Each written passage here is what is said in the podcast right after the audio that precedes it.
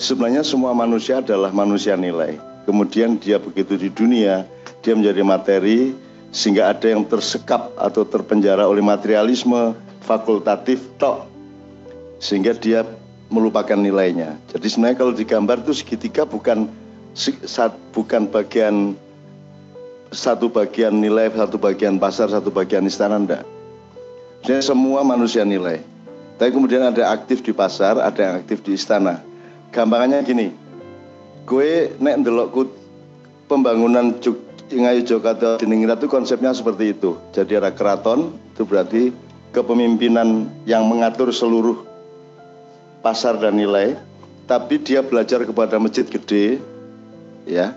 Karena dari situ nilai itu didatangkan oleh Allah karena tolong di tajuk yang terakhir mengatakan ala apa? Ala niscaya yang namanya penciptaan dan kekuasaan itu semata-mata haknya Allah. Bukan hak kita, kita tinggal ngikut. Kalau ndak terima, ya jadilah Allah. Kan ngono, mengono tok belian nih. Ya, kalau ndak ya sudah ngikut sama Allah. Wong kuwi tiga ya, gitu. Nah, sekarang Anda lihat bagaimana keadaan Yogyakarta. Dulu di konsep ini ada keraton, berarti di ini yang nata. Bukan soal jabatannya sebenarnya, itu soal menata pasar dan nilai. Antara pasar dan nilai jangan sampai ada dominasi. Ya, dominasi itu artinya ada ya, pasar harus pakai nilai. Keraton maka juga harus pakai nilai.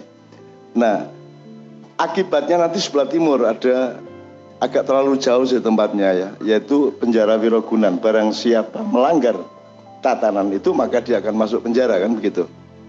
Cuman mungkin agak dijauhkan ke sebelah selatan karena adanya Wiroguno itu, Wirogunan itu adalah setelah kemerdekaan atau setelah ada negara.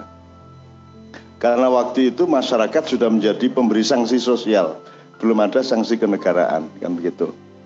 Nah teman sekalian, Anda lihat Jogja aja udah lihat sekarang yang dominan apa? Dari keraton, masjid, sama pasar atau Malioboro dan pasar Beringharjo. Itu yang mimpin yang mana? Pasar. Keratonnya ikut nilai pasar enggak? Masjidnya ikut nilai pasar enggak? Nah, pasar itu ada dalam dirimu, keraton ada dalam dirimu, nilai ada dalam dirimu. Sekarang kamu mengelola dirimu, kota raya dirimu itu kamu kelola bagaimana? Karena kalau gambarnya itu sebenarnya kan limpahan nilai, ada yang ke pasar, ada yang ke istana. Terus berdialektika. Nah, Anda tinggal menemukan diri Anda masing-masing. Makanya Anda harus mencari cara. Misalnya ada yang khusus studi misalnya fingerprint.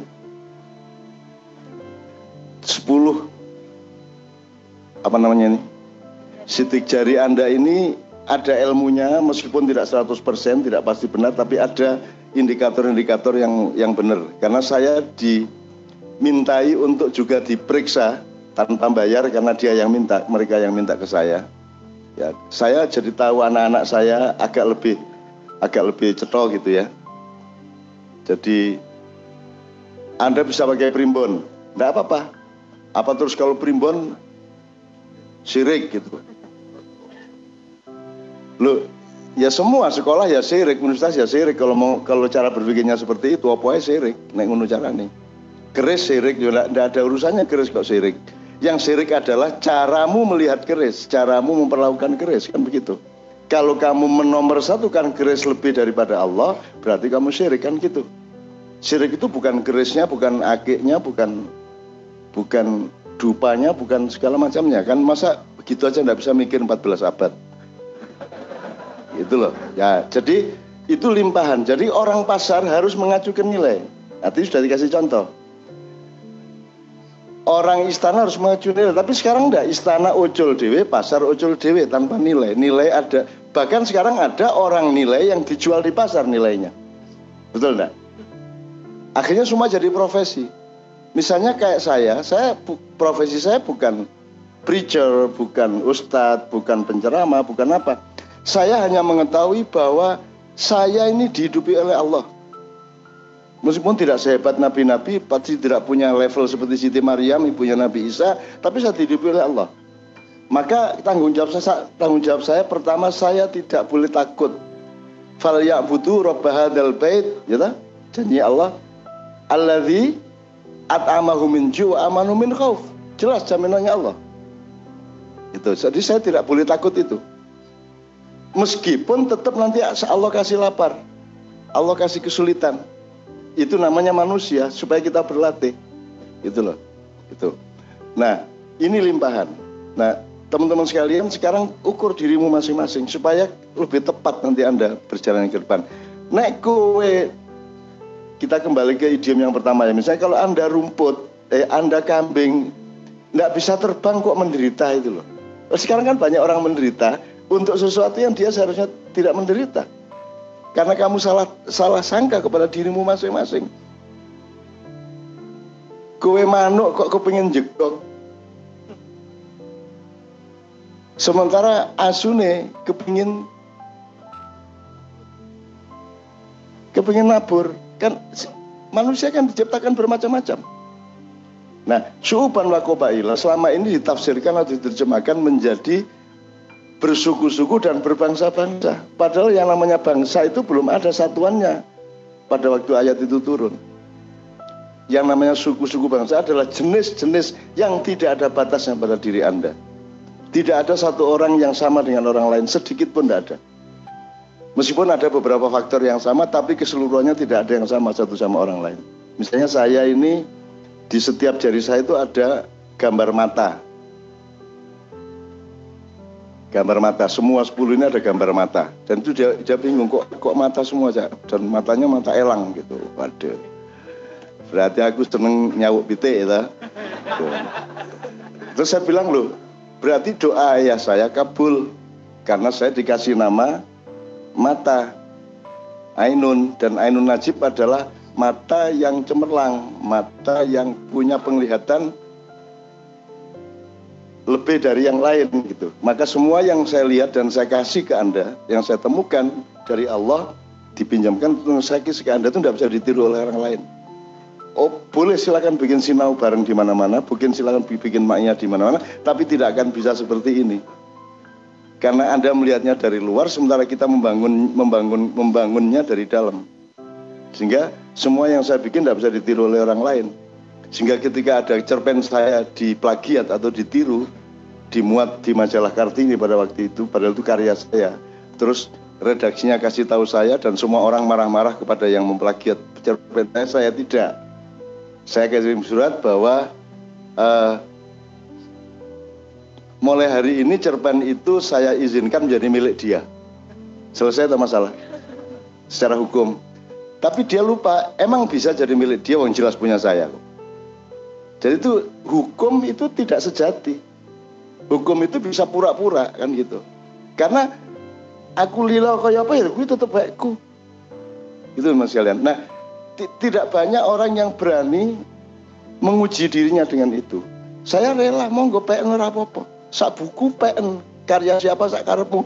Ini layar iso to ya. Jadi saya tidak perlu takut kehilangan. Karena memang tidak akan pernah hilang.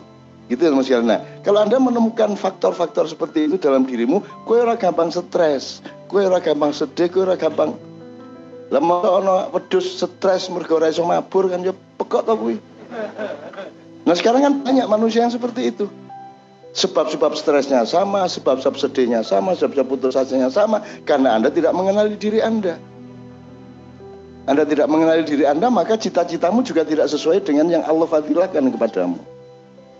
Gitu teman sekalian. Saya kira saya kira respon saya sementara itu tolong dipelajari benar supaya Anda ini akan jadi pemimpin.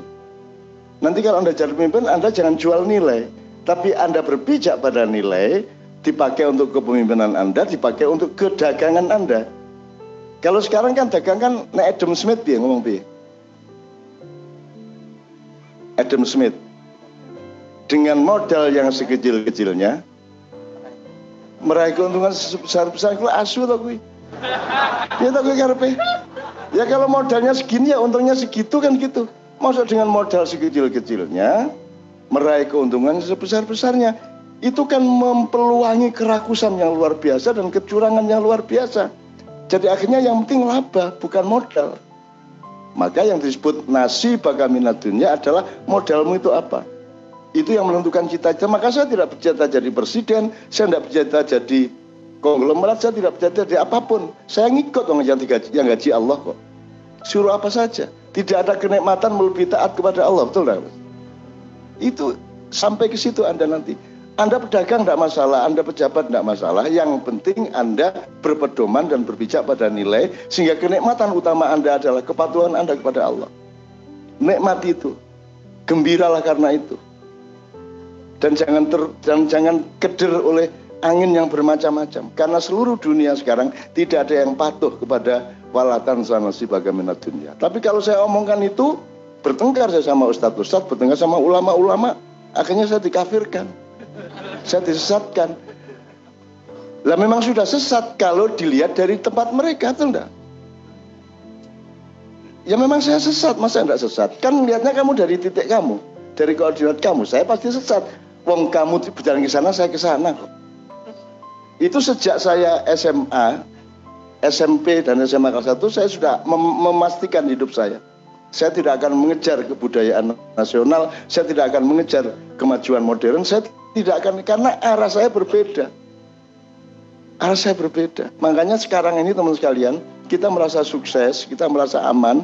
Tolong di akhir tajuk yang keempat saya katakan jangan dipikir kalau Anda melihat keadaan tenang-tenang maka akan pasti tenang sampai besok, sampai lusa, sampai minggu depan dan bulan depan dan seterusnya.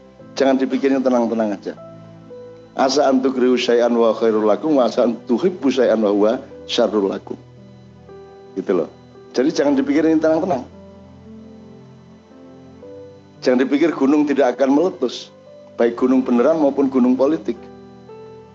Gitu loh. Dan kalau letusan itu tidak ada di kawahnya di, di bawah. Letusan pasti di atas. Ono masa ono gunung meledosnya ning nisor ya ora ono. Di mana-mana letusan pasti di atas. Itu sunatullah